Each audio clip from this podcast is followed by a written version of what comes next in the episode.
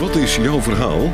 Dit is een podcast over dyslexie en aanverwante fenomenen zoals dyscalculie, ADHD, ADD, autisme en hoogbegaafdheid en over het conceptuele denken dat eigen is aan deze mensen. De podcast wordt gepresenteerd door Sean Verhoeven van Dynamica. Zij is coach en trainer voor volwassenen met dyslexie en aanverwante fenomenen. Ze gaat ervan uit dat mensen met deze fenomenen allemaal conceptuele denkers zijn. Als je dat weet en weet hoe dit denken werkt, is het mogelijk om een gemakkelijker en succesvoller leven te hebben en effectiever te kunnen functioneren in je studie of je werk. In deze podcast gaat ze in gesprek met mensen die hun eigen verhaal willen vertellen. Een verhaal dat gaat over labels, een andere manier van denken, hun tegenslagen, de voordelen van het conceptuele denken en hun succesverhalen. Jean Verhoeven spreekt uit eigen ervaring. Ze heeft zelf dyscalculie, dyslexie en ADHD. Welkom, Elisabeth. Dank, Sjaan. Wat is dat conceptuele denken? Wat heeft dat voor jou betekend? Wat is het? En wat kan je daar nou mee op je werk?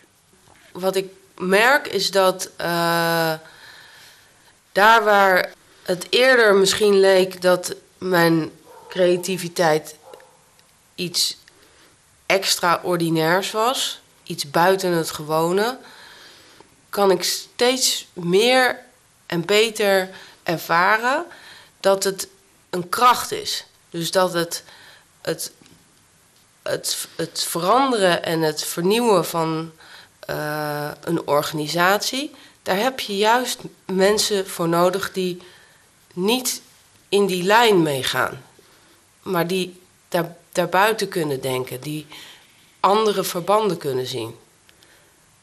De, de uitdaging is telkens om het uit te leggen, om draagvlak te blijven creëren, om aansluiting te houden met de andere mensen om, uh, ja, om je heen. Om je heen. Maar um, ja, dat is, dat is voor mij uh, uh, een, een, heel grote, grote verandering geweest. Ja. Wat ik heel veel hoor hè, van mensen hier is dat ze juist dat heel erg lastig vinden. Het ook heel vervelend vinden als het elke keer uitgelegd moet worden. Het heel erg lastig vinden om mensen mee te nemen met hun, uh, in hun stappen. Ja. Hoe, hoe, pas je dat dan toe? Hoe doe je dat dan nu? Bijvoorbeeld nu heel letterlijk kijk naar... Uh, ik ben bezig met een, met een heel groot programma op te zetten. Nou, dat opzetten van het programma dat gaat alleen al waarschijnlijk uh, één of twee jaar duren voordat we daadwerkelijk echt gaan starten. Uh, we zijn nu draagvlak aan het creëren bij allerlei organisaties. En wat we willen met het programma is we willen de schuldenproblematiek in Nederland willen we adresseren. Ja. Door mensen financieel meer bekwaam te maken en door ze um, meer inzicht en overzicht te geven in hun geldstromen. Door een applicatie uh, voor ze te, te bouwen. Een appje voor op de mobiele telefoon. En of we die doelstellingen halen, dat gaan we dan weer meten in een wetenschappelijk onderzoek. Wat ik heel erg geleerd heb, is um, heel veel dingen vind ik, vind ik best heel lastig in dat traject uh, om onder woorden te brengen. Omdat voor mij is het heel logisch. Ik ben al eigenlijk vijf jaar vooruit. Ja. En er zit voortdurend in, ja, maar dat snap je toch? Ja. ja, maar dat is toch logisch? Dat hoef ik toch niet uit te leggen? Dat is niet zo, want ik heb een visie. Ik sta daar. Ja. En ik moet voortdurend moet ik die visie uitleggen aan mensen die ik nodig heb om met me mee te krijgen. Nou, en ik heb eigenlijk twee dingen heel erg geleerd hier. Eén, van je hebt een visie. Je bent niet een gemiddeld iemand. Je denkt anders. Dat heeft een toegevoegde waarde en een, uh, ook echt een meerwaarde om organisaties of zo'n maatschappelijk probleem te kunnen veranderen. Die kracht en die toevoeging, ja, die mag er ook echt zijn en die mag je ook echt positioneren. Nou, dat heb ik enerzijds ontdekt. En anderzijds heb ik hier ook ontdekt van je hoeft niet alles te kunnen in zo'n traject. Je kunt ook mensen vragen om je te helpen. Dus um, er moeten natuurlijk ook allerlei teksten gemaakt worden, er moeten onderbouwingen gemaakt worden, er moeten uitleg gegeven worden. We moeten ons soms ook verdedigen. Ehm, we, we moeten plannen van aanpak schrijven, onderzoeksvoorstellen. Nou, er zijn allerlei mensen die mij daarbij willen helpen. Dus, je, dus ik heb ook geleerd hier van dat je niet, uh, je hoeft het niet alleen te doen.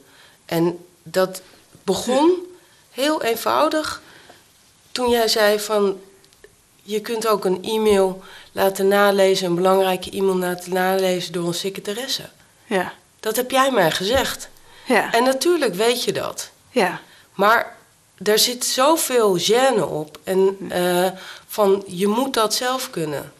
Nee, er zijn dus uh, in sommige gevallen hele goede redenen voor om hulp te vragen. Niet bang ben om uh, nou ja, te struikelen over het opleveren van een stuk tekst. Maar dat ik, dat ik uh, bijvoorbeeld door met mensen heel veel te sparren, dat het langzaam wel ontstaat. Nou klinkt het, hè, als je dat zo vertelt, ja. eigenlijk vrij simpel. Hè, van uh, je leert iets bij mij en je gaat het helemaal anders doen. Wat ik natuurlijk niet weet van andere mensen die jij begeleid hebt, is in hoeverre zij in staat zijn om een gedragsverandering in werking uh, te zetten. Ik heb van, uh, van jongs af aan geleerd om mezelf te veranderen. Ja. Ik ben vrij jong ben ik in therapie gegaan en een aantal keren heb ik een hele succesvolle, eh, prettige klik gehad met een verschillende therapeuten. En van daaruit heb ik geleerd van hoe ik mezelf ook kan veranderen. Kan je vertellen hoe dat, hoe dat vroeger ging? Of, uh, je noemde net de blok aan mijn been, uh, liet je vallen. Een heel goed voorbeeld is dat, uh, naar mijn idee, er ongeveer twee punten werd afgesnoept van welk examen dan ook. Omdat voor het afleggen van een examen komen altijd taalvaardigheden om de hoek kijken. Je moet lezen en schrijven, hè, zolang het een schriftelijk wordt afgenomen. En daar heb ik altijd ontzettend op ingeboet. Ja. Dus als ik een 6 haalde, dan had het een 8 moeten zijn. Als ik een 8 haalde, had het een 10 moeten zijn. Nou, en daar zijn ook vele zomervakanties uh, met herexamens uh, zijn uh, geofferd aan het feit dat ik heel veel leesfouten heb gemaakt. En als je een leesfout maakt, dan geef je ook het verkeerde antwoord. Maar ook dat ik veel schrijffouten heb gemaakt, omdat ik gewoon essentiële woorden niet heb opgeschreven. Hoe komt het dat, dat er niet eerder ontdekt is dat je dyslexie hebt? Heb je daar enig idee over? Ja, dat, ja, dat is weer een ander punt. En uh, dat heeft te maken met de mate van, uh, van, van intelligentie in, in zijn algemeenheid. Ik heb gewoon een, een hoog IQ. En dan is het lastig voor de omgeving om te zien dat je dyslexie hebt als iemand buitensporig intelligent is, dan, dan wordt er wat vanaf gesnoept. Maar dan rol je nog steeds door dat VWO heen en door die universiteit heen. Dus dan is er voor de buitenwereld is er niet zoveel aan de hand.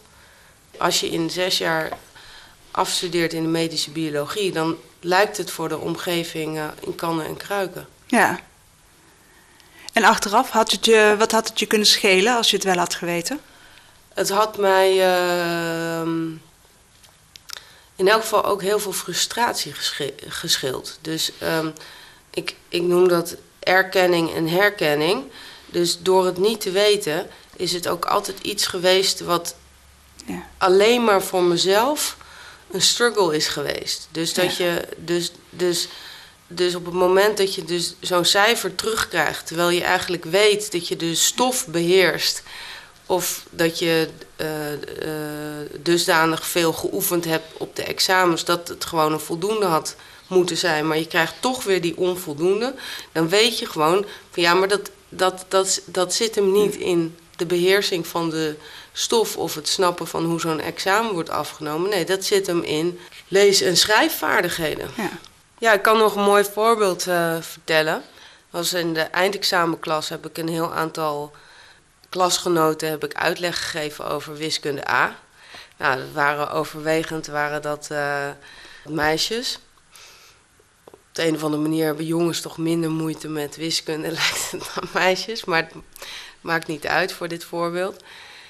Uiteindelijk was het zo dat degene die ik uitleg heb gegeven, die haalde een hoger cijfer op het eindexamen dan ik. En ik heb dat nooit begrepen.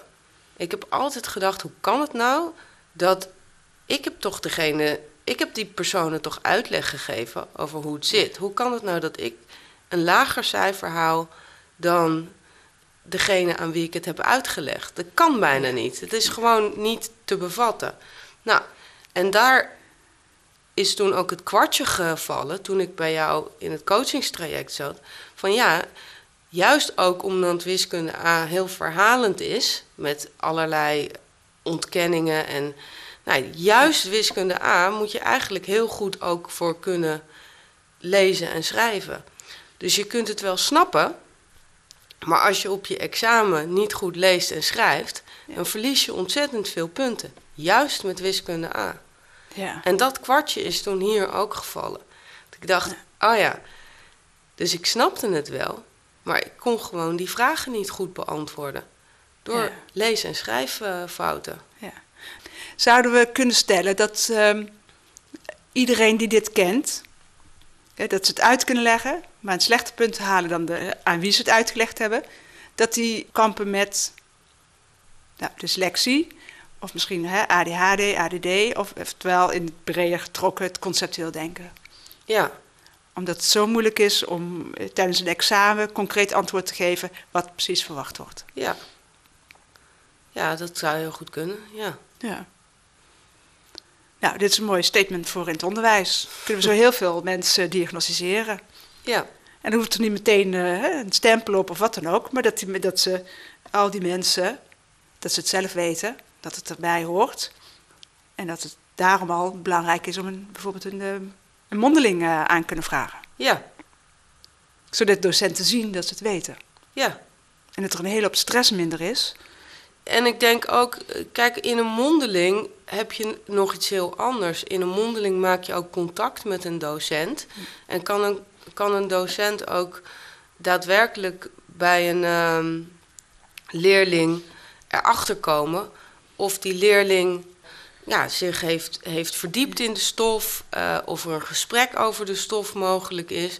Dus ik, ik, ik, ik vind sowieso dat we wat uh, losgezongen zijn van, uh, van ook gewoon het contact hebben met elkaar over.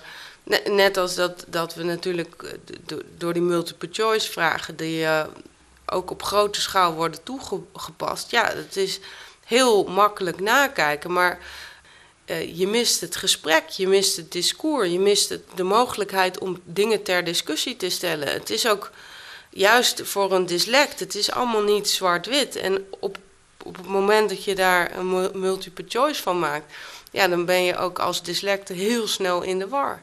Ja. En als woorden er dan ook nog tussen staan die op elkaar lijken, of dubbele ontkenningen, ja, dan uh, ben je weg. Ja. In een gesprek zal dat wellicht ook kunnen gebeuren. Maar dan zijn er ook weer wegen die je met elkaar kunt bewandelen. Om toch weer samen te kijken van ja, maar wat is er dan wel? En wat heb je dan wel begrepen? En waar worstel je nog mee? Ja. En dat komt met zo'n examen komt dat, uh, ja, dat komt vaak helemaal niet naar voren. Nee. Ja. Nog even naar het, uh, naar het werk terug. Ja. Um, kan je een voorbeeld uh, geven van hoe je voorheen je werk deed hè, en hoe je dat conceptuele denken daar heel concreet inzet? Ja. Er zijn een aantal dingen die ik hier geleerd heb, waardoor mijn uh, taal- en schrijfvaardigheden ook enorm zijn verbeterd. Dus jij hebt mij ook een hele trucendoos gegeven, waardoor ik ook veel bewuster aan de slag ben met mijn taal- en schrijfvaardigheden. Er zijn eigenlijk twee dingen aan de hand. Ik realiseer me dat mensen heel snel afhaken als dat niet in orde is. Dus ik heb allerlei manieren gevonden om dat op een uh, hoger kwaliteitsniveau te brengen. En aan de andere kant weet ik, daar ligt mijn kracht niet. Dus mijn focus zit hem juist veel meer in dat creatieve. En dat ik, uh, nou ja, bijvoorbeeld, een van de dingen waar mijn kracht ligt, is dat ik heel goed in staat ben om uit een hele grote rapportage een heel duidelijk dashboard uh, kan, kan destilleren, waar managers in één oogopslag kunnen zien waar ze op moeten acteren. Uh, heb me ook dus hier gerealiseerd, ja, dat zit niet in iedereen zijn hoofd. Ja. Dus zo'n dashboard, dat, is, dat, zit, dat zit gewoon op mijn netvlies. En wat ik dus geleerd heb van, oh, dat heeft toegevoegde waarde. Dat is iets wat andere mensen kan helpen om door zo'n hele berg data heen zich te kunnen focussen. Ja, je noemt dat, uh, je noemt dat business uh, intelligence tegenwoordig. Wordt steeds meer toegepast. Waar het op neerkomt is mezelf ook veel meer tijd geef om dan door dat creatieve proces heen te gaan. Maar dat ik daarnaast ook zorg dat ik kan uitleggen aan de mensen waarmee ik werk of aan de managers waarom dit toegevoegde waarde heeft. Dus het dashboard maken alleen is niet genoeg. Nee. En in hoeverre moet je je dan inhouden of je, moet je daar echt moeite voor doen? Ja, ik ben ook, ook geduldiger geworden. Het erkennen dat er een verschil is, dat helpt ook om geduldiger te worden. En daarnaast, wat ik merk, is dat als je zo ver vooruit kijkt, dan heb je ook een verschillende paden nodig. Dus je hebt een pad nodig wat een soort van meerjarenplanning heeft. Maar je hebt ook een pad nodig wat een jaarplanning beslaat, zodat je ook kan terugredeneren van ja, wat moet ik eigenlijk doen om datgene wat ik voor ogen heb over vijf jaar, waar moet ik dan staan over een jaar? En waar moet ik dan staan over drie maanden? Nou, en zo kan je wel in gesprek met mensen. Maar je moet en die visie kunnen uitleggen van die richting waar je op beweegt over vijf jaar.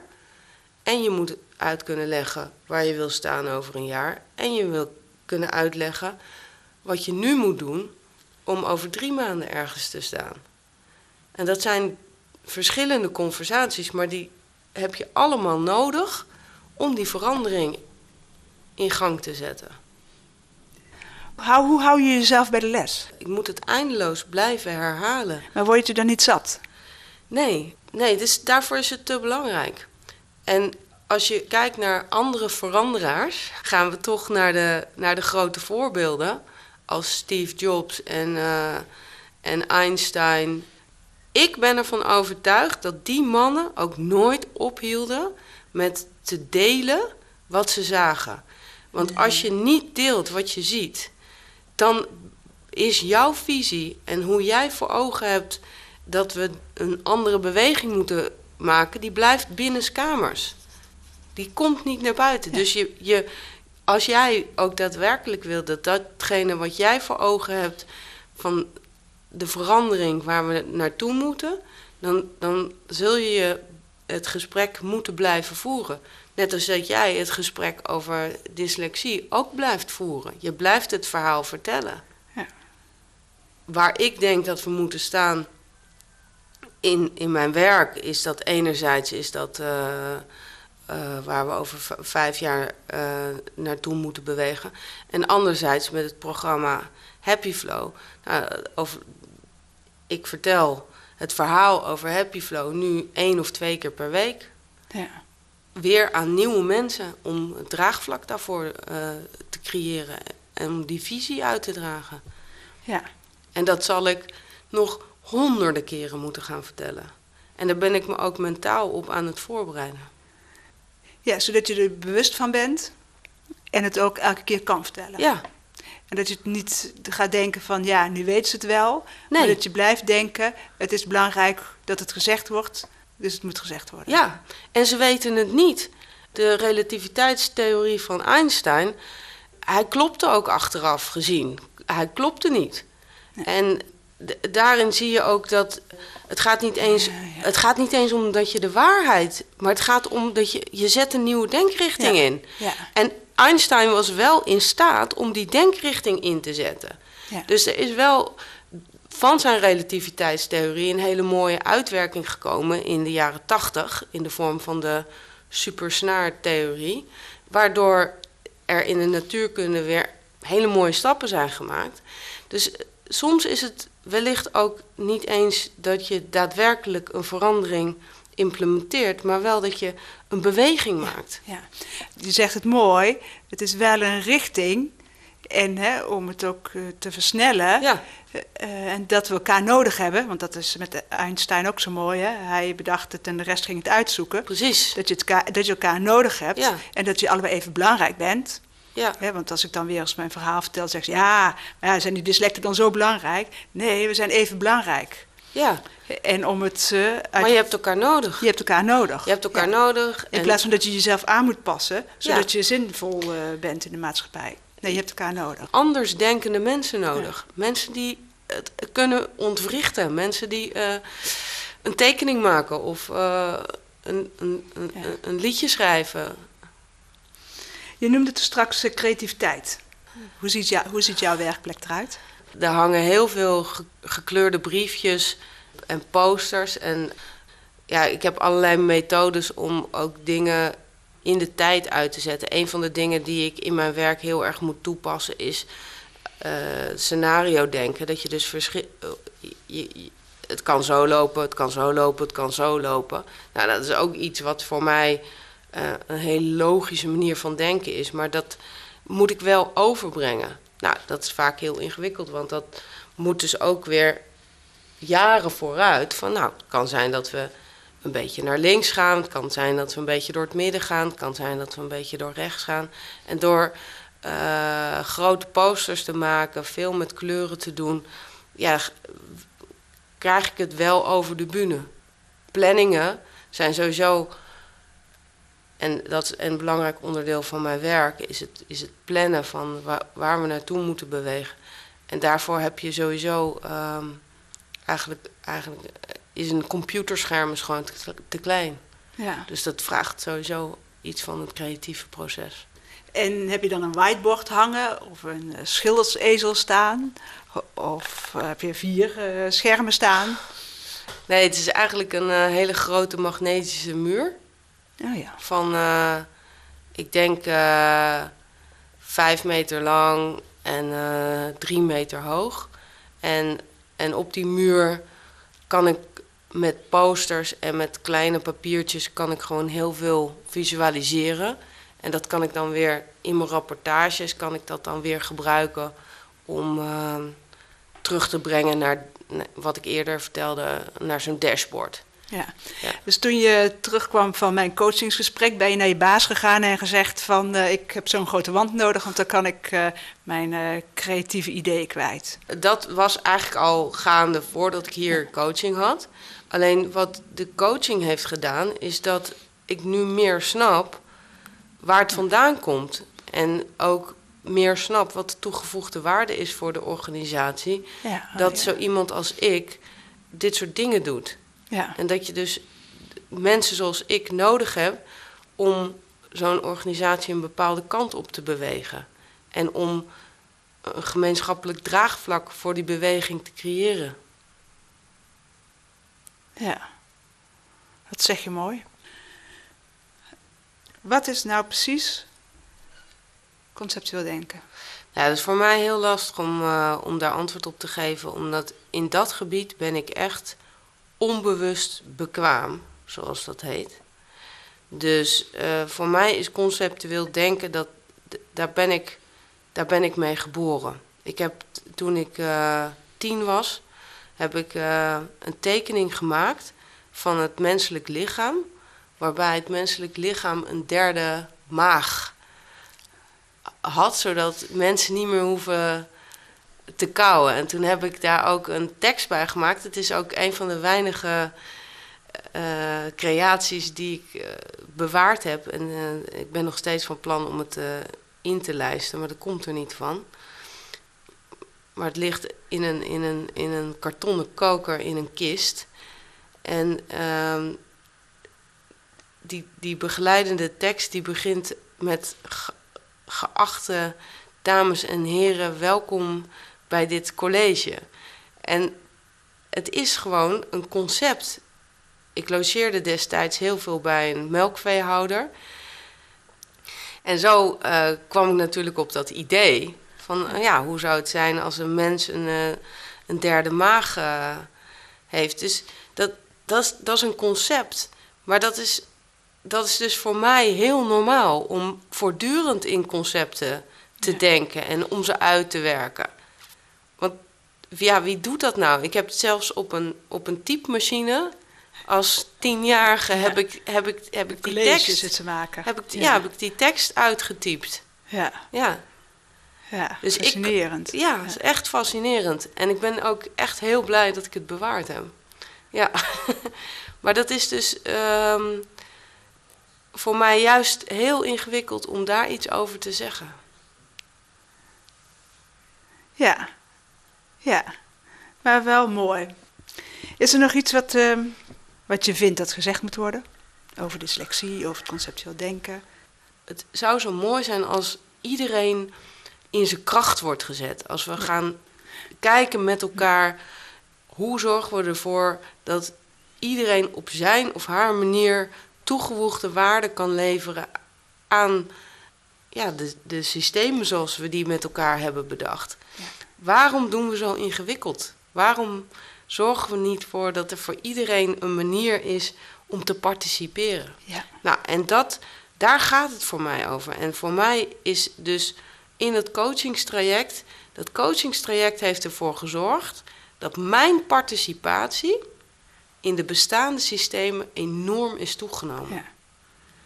En dat gun ik iedereen.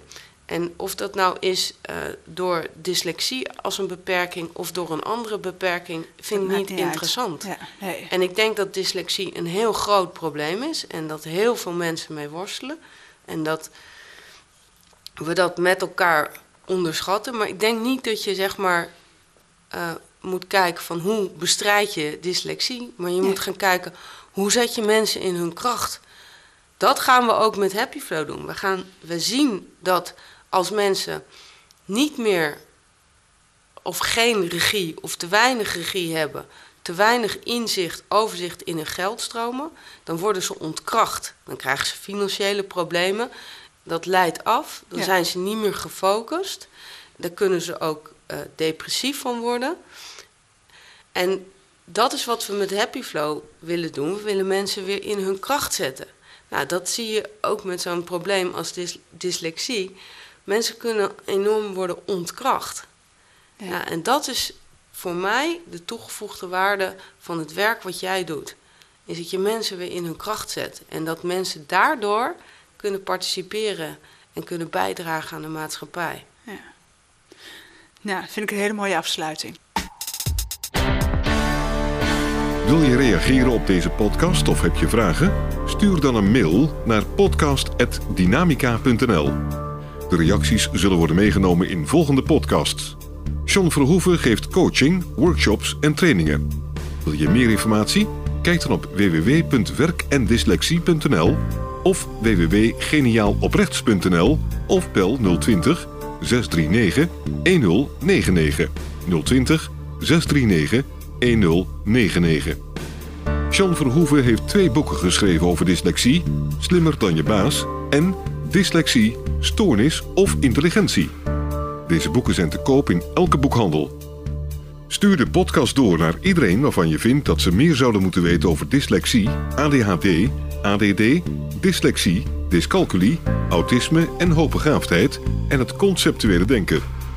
Deze podcast is gemaakt in samenwerking met Marcel de Hoog van Storytelling Media. Hij verzorgt de technische, redactionele en morele ondersteuning. Tot de volgende aflevering.